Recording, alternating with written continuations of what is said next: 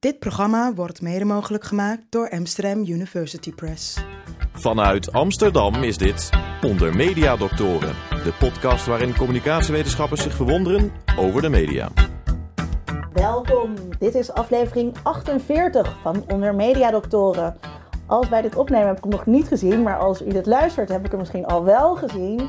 De nieuwe Star Wars film Rogue One. Uiteraard heb ik al lang kaartjes. Ik ga hem één keer in 3D bekijken, op de premièreavond natuurlijk. En daarna ga ik in de kerstvakantie naar Londen om in een speciaal IMAX-theater de film nog eens een keertje in 2D te zien. En dat theater is een van de zeven theaters in de wereld met een 70 mm scherm. U begrijpt, ik kan niet wachten van opwinding. Een kaartje in dat theater kost 20 euro. Dat is best pittig. Het is 20 euro duurder dan de film downloaden en afspelen op de reuze tv die ik thuis heb. Waarom doe ik dat eigenlijk?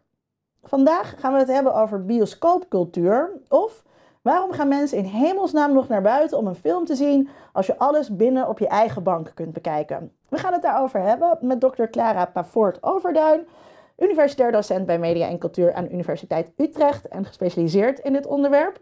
Zoals altijd ook in de studio mijn mede-mediadokter, dokter Vincent Kronen. Clara, wat houdt bioscoopcultuur als onderzoeksobject eigenlijk in? Nou, dat houdt een aantal zaken in. Dat houdt enerzijds in de omgeving waarin de films vertoond worden. Dus de bioscopen de, en alles wat daarmee samenhangt. Uh, maar daarnaast gaat het ook over de toeschouwers. En dat kun je dan natuurlijk in een uh, nou ja, historisch en een, en een hedendaags perspectief doen. En jij bent meer historisch gespecialiseerd? Ja, en ik zeg zelf altijd nog dat behalve dat je het over hoe de zaken geregeld zijn, dus zeg maar de structuur waarbinnen die films nou ja, er komen, vertoond worden, et cetera, de mensen die in gaan kijken dat je ook wel iets met die film moet. Oké. Vincent, ik heb vaak het gevoel dat ik een beetje uitgebuit word als Star Wars fan. Ben ik niet gewoon een sukkel dat ik zoveel geld neerleg voor bioscoopervaringen? Nee, kijk, er zit een grens aan natuurlijk. Op een gegeven moment wordt het te duur en dan ga je niet meer. En precies tot die grens zal het worden aangeboden dat jij nog net bereid bent om dat wel te betalen. En dan noemde hij al een paar dingen in je inleiding waarom het toch weer specialer wordt. Dat je naar een IMAX theater gaat of je gaat hem in 2D dan nog een kijken om te vergelijken met 3D. Dat is natuurlijk fangedrag. En bij Star Wars zijn er heel veel fans. En juist door die verschillende manieren dat uit te brengen. En dan kan je hem later ook nog eens een keer. Vroeger kwam die dan op video uit. En nu daarna DVD. En nu kan je hem ook nog eens een keer in high definition misschien wel eens on demand kijken. Dus een, een, film kent eigenlijk heel veel verschillende vormen en generaties waar je steeds weer een beetje kan verdienen. En daar is George Lucas wel misschien wel de grootste koning in gebleken. Uh, Clara, uh, ik heb begrepen dat in Nederland mensen veel minder naar de bioscoop gaan dan in andere landen. Hoe zit dat? Um, traditioneel antwoord was eigenlijk altijd, uh, dat heeft te maken met onze leescultuur en onze Calvinistische inslag. Uh, maar dat is toch wel een, een, stelling die niet zo heel erg goed bewezen kon worden. Dus dat was meer een soort van gevoel dan dat dat nu echt, uh, echt bewezen is. Nou, als ik kijk naar mijn eigen onderzoek, ik ben dan voor de jaren 30 en heb ik het ook in vergelijkend onderzoek geprobeerd om uit te zoeken. En daar ben ik eigenlijk nog steeds mee bezig. Het is niet één oorzaak of zo enerzijds is in Nederland is de, de, de wijze waarop de markt georganiseerd was, is best afwijkend, laat ik het zo zeggen. In die zin dat er een, een beheersende macht op de markt was, namelijk de Nederlandse Bioscoopbond. En die Nederlandse Bioscoopbond die bepaalde wie er een bioscoop mocht openen, wie er een distributeur mocht uh, zijn. Zij hadden gewoon een remmende werking op het aantal bioscopen. Dus dat is een remmende factor. Uh, de prijs heeft waarschijnlijk iets, het was ietsjes duurder in Nederland. In elk geval is het duidelijk dat die bioscoopbond die prijzen hoog gehouden heeft. Nou, andere aspecten waar we naar gekeken hebben zijn uh, culturele aspecten. Dus bijvoorbeeld het idee dat Nederlandse vrouwen heel erg lang thuis bleven voor de kinderenzorg is nog steeds een, een item. En wat je dan ziet, nou, voor de jaren 30, ja, daar kunnen we niet echt een soort van goede bronnen voor vinden. Maar als je dan weer kijkt naar de jaren 50, dan zie je dat uh, bijvoorbeeld die huiselijkheid, dat dat in die zin een rol speelt. Dat niet zozeer mensen per se thuis bleven, want ze gingen wel bij elkaar op visite. Maar ze deden dingen, weet je wel, in familie of kennissenverband. Of ze gingen naar een koor of een amateurvoorstelling, weet je wel. Dus iets met, met elkaar in plaats van naar de film. Maar speelde religie dan ook een rol? Televisie en radio waren natuurlijk uh, verzeild. En daarmee was er ook een soort goedkeuringsstempel van... Hè, deze inhoud die uitgezonden wordt is oké okay voor katholieken. Ja. Nou, dat, het speelt in die zin een rol, tenminste, dat, dat, het is heel moeilijk om het hard te maken, maar Jaap en ik, en die hebben ooit het protestanten-effect gevonden, zoals wij dat noemden. En dat uh, als je gaat kijken naar de bioscopen en hoe die verdeeld zijn in Nederland, en je kijkt naar de, naar de, hoe heet het, eh, de bevolkingsaantallen, de, de demografie, hoe noem je dat? Um, dan zie je bijvoorbeeld dat in Amsterdam was bijvoorbeeld uh, één stoel op 50 uh, mensen, maar in Apeldoorn was het één bioscoopstoel op 85 mensen. En Apeldoorn, je zag in een plek waar zeg maar echt protestanten ook de soort van overmacht hadden, dat die daar dus een dempende werking hadden. En je ziet dat um, katholieken, die hadden al heel snel zoiets van, nou we kunnen het toch niet tegenhouden, dus laten we het dan maar omarmen. Dus die begonnen ook zelf voorstellingen te organiseren. In het begin was het natuurlijk een beetje, probeerden ze de goede en de, hè, de juiste inhoudfilms te vertonen. Met een, met een echt een katholiek randje, weet je wel. Maar dat werd al snel een iets minder katholiek randje, maar die ook nog wel goed waren. Hoe was het in andere landen om ons heen? Dus uh, wat, misschien cijfermatig of zo, hoeveel meer gaan Duitsers, gingen Duitsers en Belgen naar de bioscoop? In België was het in elk geval zo dat daar waren die bioscopen, waren, hadden een heel duidelijke signatuur vaak. Als je bijvoorbeeld in Gent en Antwerpen onderzoek gedaan, als je daar naar diezelfde periode kijkt, dan had je ook echt hele socialistisch bekendstaande bioscopen. Alleen wat ze draaiden waren helemaal niet socialistische films of zo. En wat je, je ziet veel meer een onderscheid tussen zeg maar um, première bioscopen of uh, bioscopen die zich profileerden bijvoorbeeld, en dan heb ik het echt ook weer over de jaren 30, die zich profileerden met Duitse films en Nederlandse films. Dus dat was meer een soort profilering op termen van um, ja, land en taal uh, dan op um, echt socialistisch. Want zodra men echt socialistische films ging doen, dan, dan bijvoorbeeld, Ja. dat liep helemaal niet. Want had je van die speciale voorstellingen op de zondagochtend, weet je, nou ja, dat, dat, dat liep niet. Dan hebben mensen geen zin om verheven te worden. Nee, nee, En uh, nee. uh, heeft dat dan nu ook een effect gehad op uh, het aanbod van Nederlandse films? Als ik aan Nederlandse films denk, dan denk ik altijd aan heel veel bloot en slechte acteurs. Dat is jaren zeventig. Dat, is- dat is de jaren zeventig. Ehm, Daar zijn ze nu wel. eh, Holland Dieters eh er Ja. ook wel eens genoemd, geloof ik. Nou ja, wat, wat je wel ziet, is dat er al eh, de, de- de film als kunstvorm, eh, en om dat ook serieus te nemen, dat daar eh, zeker na de Tweede Wereldoorlog eh, eh, veel meer steun, nationale steun is gekomen. En ook veel meer protectionistisch beleid, bijvoorbeeld in Frankrijk. Ja. Die steun is er in Nederland natuurlijk nooit echt op die manier gekomen. Pas in de jaren negentig kwamen er al wat, wat initiatieven om dat via belastingmaatregelen. En daarvoor waren er natuurlijk wel wat eh, films die vooral eh, literaire adapties waren. Dan kreeg een film nog een soort predicaat dat je het moest gaan zien. Nou, wat volgens mij een heel belangrijk moment geweest is, is ergens in de jaren negentig, waarin het ineens belangrijk werd dat het publiek ging meetellen. Men moest een budget voor marketing op de begroting zetten. Dat was er namelijk niet. Maar wat je ziet is dat die trend heeft zich doorgezet. Dus dat was ook met theater. Weet je, marketing was eerst een vies woord en niemand wilde iets van het publiek weten. Nou, nu zal niemand dat, nou ja, heel weinig mensen zullen dat nu zeggen. ehm, je had het net even over de jaren negentig, dat er marketingbudgetten kwamen. Is dat een omslagpunt in de geschiedenis van de Nederlandse film? Nou, ik weet niet of, het, e- of dat al het omslagpunt is, want, ehm, maar ik denk wel dat er doordat er gewoon meer aandacht kwam voor die publieksfilm, want wat je eigenlijk de hele tijd doorziet, dat zie je ook, dat zag ik ook in mijn onderzoek al in de jaren 30, is dat als de juiste film komt, dan gaan de mensen wel. Dus het heeft ook, daar heb je die film weer, weet je, het heeft ook met de film te maken. Ja, de allereerste geluidsfilm, eh, Willem de Zwijger, Willem van Oranje, die flopte als een gek. Want het was terwijl het toch de eerste sprekende film in het Nederlands was. Het was niet om aan te zien. De tweede, De Jantjes, was echt een enorm succes. Dus zodra je ziet dat de film eh, nou ja, een beetje aansprekend is, de dramaturgie in orde is. Eh, nou, en De Jantjes is natuurlijk een heel verhaal apart, maar dat zie je nu ook weer. Als er een goed verhaal is en je ziet dat er behalve marketing ook veel meer aandacht is voor het verhaal, waarbij er ja, gewoon toch meer op een nou ja, het is niet klassiek Hollywood, maar er wordt wel veel meer nagedacht over wat willen die personages nou en hoe gaan ze dat bereiken en et cetera. Dus het is toch een wat traditionelere nou ja, manier van vertellen eigenlijk. Dat slaat aan met acteur. We hebben ook weer een beetje, ook een beetje sterren gekregen. Nou, het draait niet alleen misschien om de film, maar misschien ook wel om eh, de bioscoop. Ja. Hier in Amsterdam staat natuurlijk de mooiste bioscoop van het land, Tuschinski. En redacteur Volkert Koehoorn maakte samen met Vincent Kronen een item over een heel bijzonder plekje in deze bijzondere bioscoop.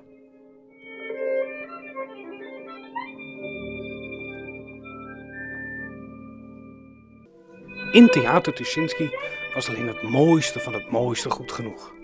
Mahonie en ebbenhouten lambriseringen, zijden wandbespanningen, marmeren trappen en bronzen siersmeetwerk.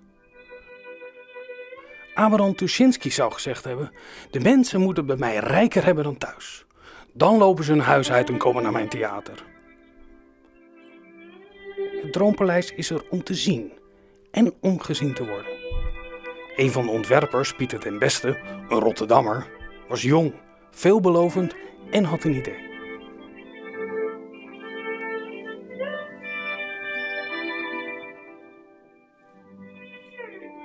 Wat nu als je tijdens een avond niet gezien wil worden?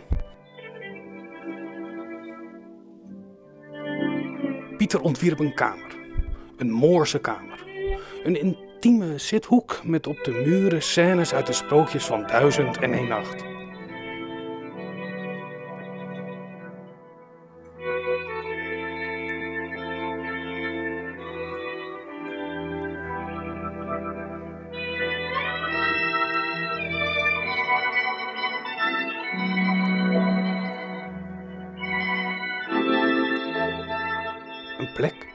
Waar je tijdens de pauze van de voorstelling even met elkaar kon terugtrekken.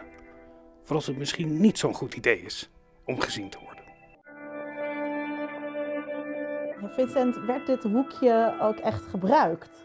Ja, en tot op de dag van vandaag is mij verteld dat het een plek is waar er soms VIP's eh, eh, komen als die daar niet gezien willen worden. Of eh, misschien bekende Nederlanders die wel naar de film willen, maar er niet aangeklampt willen worden.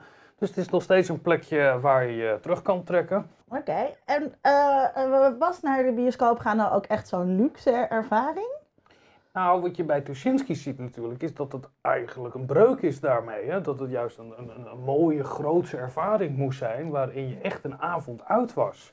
Ja, dat was ook de, de trend toen. Hè? Want je kreeg toen de opkomst van die enorme grote bioscoop. Bioscoop waar eerst, weet je, overal in het klein begonnen. En op allerlei plekken die nog geen echte bioscoop waren, kleine bioscoop. Een beetje, ja, een probleem met brandveiligheid en zo. Dus op een gegeven moment krijg je de bioscooppaleis in Amerika. En dat is, dat, nou, dat is de rond de tijd dat Tuschinski, wij zijn iets later, het is 1918 geloof ik. Hè, dat Volgens mij is 21, uh, maar daarvoor was, was al een theater in ja. Rotterdam in uh, ja, ook 1916, groot, dus heel ja. vroeg. Ja, zo'n groot, uh, groot theater. Maar het idee, kijk, Tuschinski die was wel echt bijzonder in die zin. Die wilde echt, zeg maar, ja, dat je inderdaad een speciale avond uit had. En, maar hij wilde de prijzen laag houden. Dus hij vroeg er niet meer, hij wilde er niet meer voor vragen dan zijn concurrenten, zeg maar. Dus je betaalde misschien wel iets meer, maar niet heel veel meer. Maar het was dus wel voor iedereen toegankelijk. Ja, ja, ja. ja. ja bioscoop was goedkoop. Nou heb ik in Amsterdam ook het gevoel dat heel veel kleine theaters zijn verdwenen. Of nou ja, het gevoel, die observatie is er wel. Het lijkt wel alsof alles echt uh, paté is geworden. En onze redacteuren Tom Aalmoes, Sebastian van der Pol en Pim Prins interviewden de, Amster de Amerikaanse Jeffrey Babcock over zijn underground cinema's in Amsterdam. Babcock was lid van de Krakersbeweging in de jaren 80. En hij wil graag het vrije gevoel van toen teruggeven aan het Amsterdam van nu. Door zijn bezoekers een bijzondere bioscoopervaring te geven. We gaan kijken naar een interview. Let op, Babcock praat heel enthousiast Engels. So I mean, so cinema's been a lot of my life. Um, so uh, I don't do much more than that, you know. The cinemas that I'm doing are not just about cinema. It's also about putting a spotlight on special areas of Amsterdam that are being forgotten about or that are alternative spaces. You know, a lot of the places um, that I'm showing movies at are places that were born, you know, in one way or another from the 80s in Amsterdam. Eventually, um, I came back to Amsterdam because I was inspired so much by the 80s. And a lot of the locations, like I say, we were either born in the 80s um, as squats and then becoming legalized, or we're squats later, but still the whole squatting movement in a way, the whole alternative movement that existed so strong here in Amsterdam. There were squat cinemas, there were squat theaters. The Milkweg was a squat, the Paradiso was a squat. I mean, it, all, you know, all these places, so that meant that everything was dirt cheap. So, anyway a lot of the places I'm showing movies at, how do I choose them? I, you know, I choose them for the diversity because I believe in diversity, but I can also see that many of them are based back in the 1980s in one way or another. And you know, I saw the pate becoming bigger and bigger and having a more uh, a larger influence on on cinema, impact uh, larger impact on cinema. I get a real delight out of uh, showing a movie like uh, I don't know some so, so a, fe- a normal feature film, and then before show a short movie of Stan Brakhage, you know, and so people that would never see a Stan Brakhage film uh, are forced in a way to go through it and at least you know maybe they're going to hate it maybe they're going to like it but at least they've had the experience. And they, they can decide for themselves maybe even and even if they hate it or like it right away you don't know how they're going to feel about it in 10 years. I'm not just showing movies either you know? I'm giving introductions to every movie that i show you know? I'm i'm talking to people before and after the movie. I'm, you know, in the lobby or in the in the, in the by the bar, hanging out with people, and I'm discussing things, and so giving a framework, you know, to the audience. Like you can look at the movie this way or that way, and or not. You can just do it your own way. But here's a couple things to, that you can work with if you feel like it while you're watching the film, and put in some historical information or some biographical information or some philosophical information while I'm doing that. So I think that people respond to that very well. So I think there's also a sense of community, and you get these people in a room together, all different economic, all different ethnic, all different uh, different kinds of backgrounds. All these people coming in and packing into these these cinemas, and there's no place else in the city where these people come together you know, and and and and dream together. I mean, that's what I what's how, how I consider cinema is like dreaming together in a room. But so I mean, so um, uh, the society is very good at segregating people and pushing everybody in their little boxes, and people are very good at staying in those boxes. But at my cinemas, they're all coming together and kind of like interacting in some kind of. I find it a very beautiful way of people becoming more and more isolated from each other and only going through so-called social media contact each other. People get tired after work, come home. Now you have computers before you had the television. Now you have television and computers, and you have home movie theater uh, systems and so forth. It's really a move to keep people more and more in their little spaces and uh, separate from from each other. And so um, there's that thing, but I also feel like I recognize that, and I'm going to bring something to the table that doesn't; those things can't even provide in any kind of way. And people are looking; they're, they're starting to feel bad about the way they're living their lives, and they are looking for something different. I can see it. So I, once again, with my cinemas, also I always also say they're going well so well now. I think they're so vibrant so alive.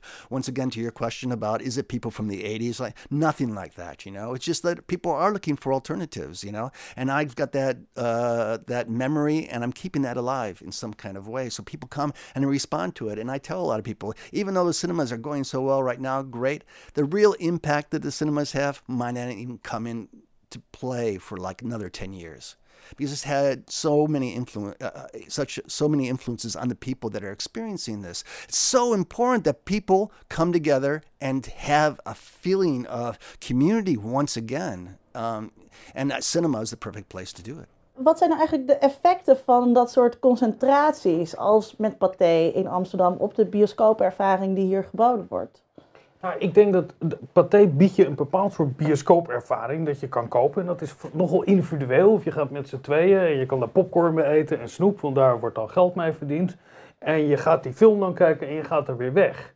En wat juist zo interessant is, dat daarnaast eigenlijk een ander soort cinema is ontstaan. Wat, wat juist de arthouses zijn, waar je een moeilijk biertje kan drinken. En waar je niet alleen naar de film gaat, maar waar je van tevoren gaat afspreken. Gaat zeggen, wat verwachten we ervan? daarna blijven zitten of nog een hapje eten.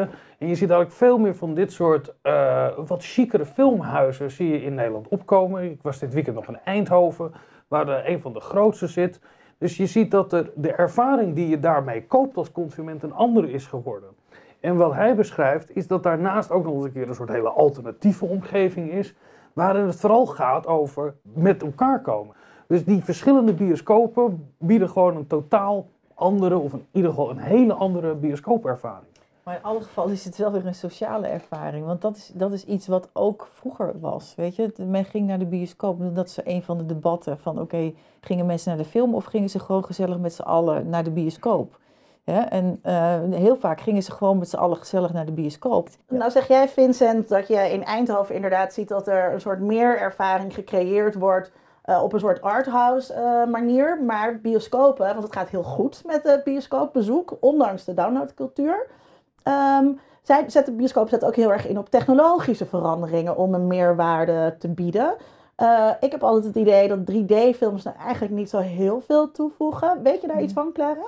Nou, het is een oude truc van de, van, de, van de makers, van de producenten. Ik bedoel, ze hebben dat altijd gedaan. Ik bedoel, al in de jaren 20 hadden we een 3D-poging, zeg. Maar, uh, dus ik denk ook dat 3D, je hebt elke keer als het komt, is het weer de vraag van wat gaat het toevoegen. En als de film zodanig gemaakt is dat het echt iets toevoegt, dan komen mensen ervoor. En de industrie zal altijd dat blijven doen. En wat verwachten jullie dan uh, van, van virtual reality, van, van uh, VR? Ik heb zelf er nu een paar keer dingen in VR gedaan.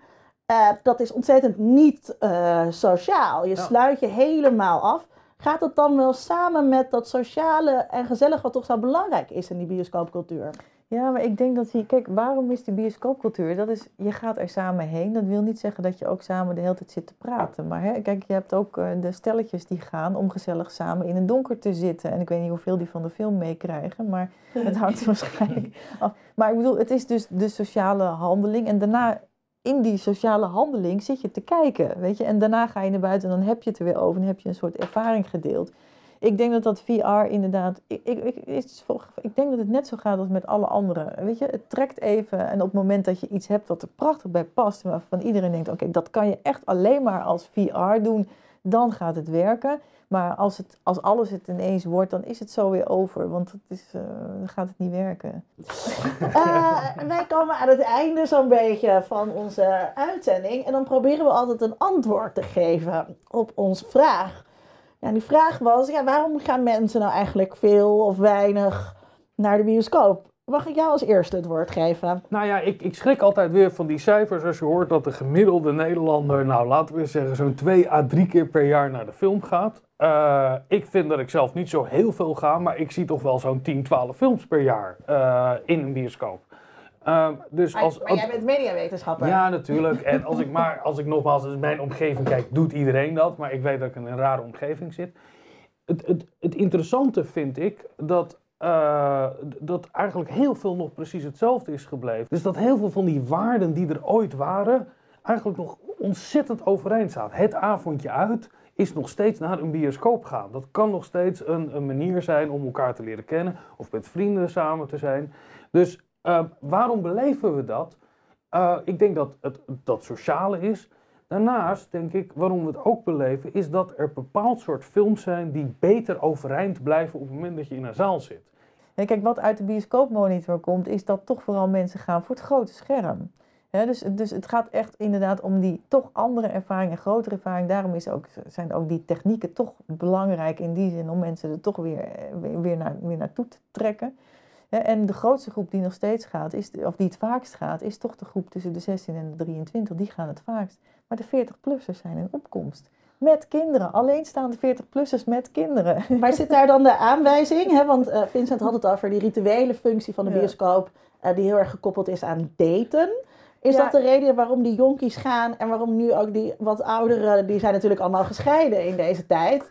Uh, ja, wat ga je doen naar een arthouse Voor de tweede ronde. Ja. Nou, ik weet niet of het alleen maar daten is, want het zijn ook gewoon vrienden onderling. Hè? Want je ziet, kijk, als het gaat daten, dan, dan bepaalt de vrouw meestal de film. Hè? Dus uh, zeker als het voor de eerste keer is. Maar goed, het, het, is dus, weet je, het is ook in een groepje gaan. En, in een, en je ziet in verschillende constellaties zie je mensen naar de bioscoop. Dus het is niet alleen maar uh, het, het man-vrouw gebeuren, zeg maar. Ja, dus als je nou zegt, het is uh, eigenlijk dan toch een combinatie van de technologische meerwaarde ja. en die sociale ja, ja. Meerwaarde die erin zit. Waar je er nog iets aan toevoegen, Vincent? Nou ja, ik denk dat dat inderdaad het, het, het, idee van uitgaan en daar moet een technologisch mooie ervaring zijn. En, en ook dat het iets theatraals heeft. Het lijkt ook heel erg op een echt theater. Dus het idee dat je een avondje uitgaat. Dus het idee van dat het een, een, een, een mooi showbiz-achtig avondje uit is. Dat zit toch nog steeds in veel van die bioscopen. Ook in die nieuwe bioscopen. En we zijn natuurlijk ook niet te beroerd om een beetje terug te verlangen naar vroeger. Uh, een beetje nostalgisch en ouderwets te doen. Over nostalgie maakten we trouwens ook ooit een hele leuke podcast. Um, dit was namelijk alweer onder Mediadoktoren. U kunt zich op onze podcast abonneren via iTunes of Stitcher. Kijk voor alle informatie en voor ons uitgebreide archief op ondermediadoktoren.nl. Deze uitzending werd gemaakt door Volkert Koehoorn, Iris Verhulstonk, Sebastian van der Pol, Narien Ismail, Pim Prins en Tom Aalmoes. Dank aan Salto voor de opnamefaciliteiten. Dank aan Vincent Kronen. En uiteraard veel dank aan onze gast, Clara Pavoort Overduin. Wij houden een korte kerststop. Gebruikt u die tijd vooral om onze oude afleveringen te luisteren. En heel graag dan tot in het nieuwe jaar. Onder Mediadoktoren is een podcast van Vincent Kronen en Linda Duits. Meer informatie vindt u op ondermediadoktoren.nl.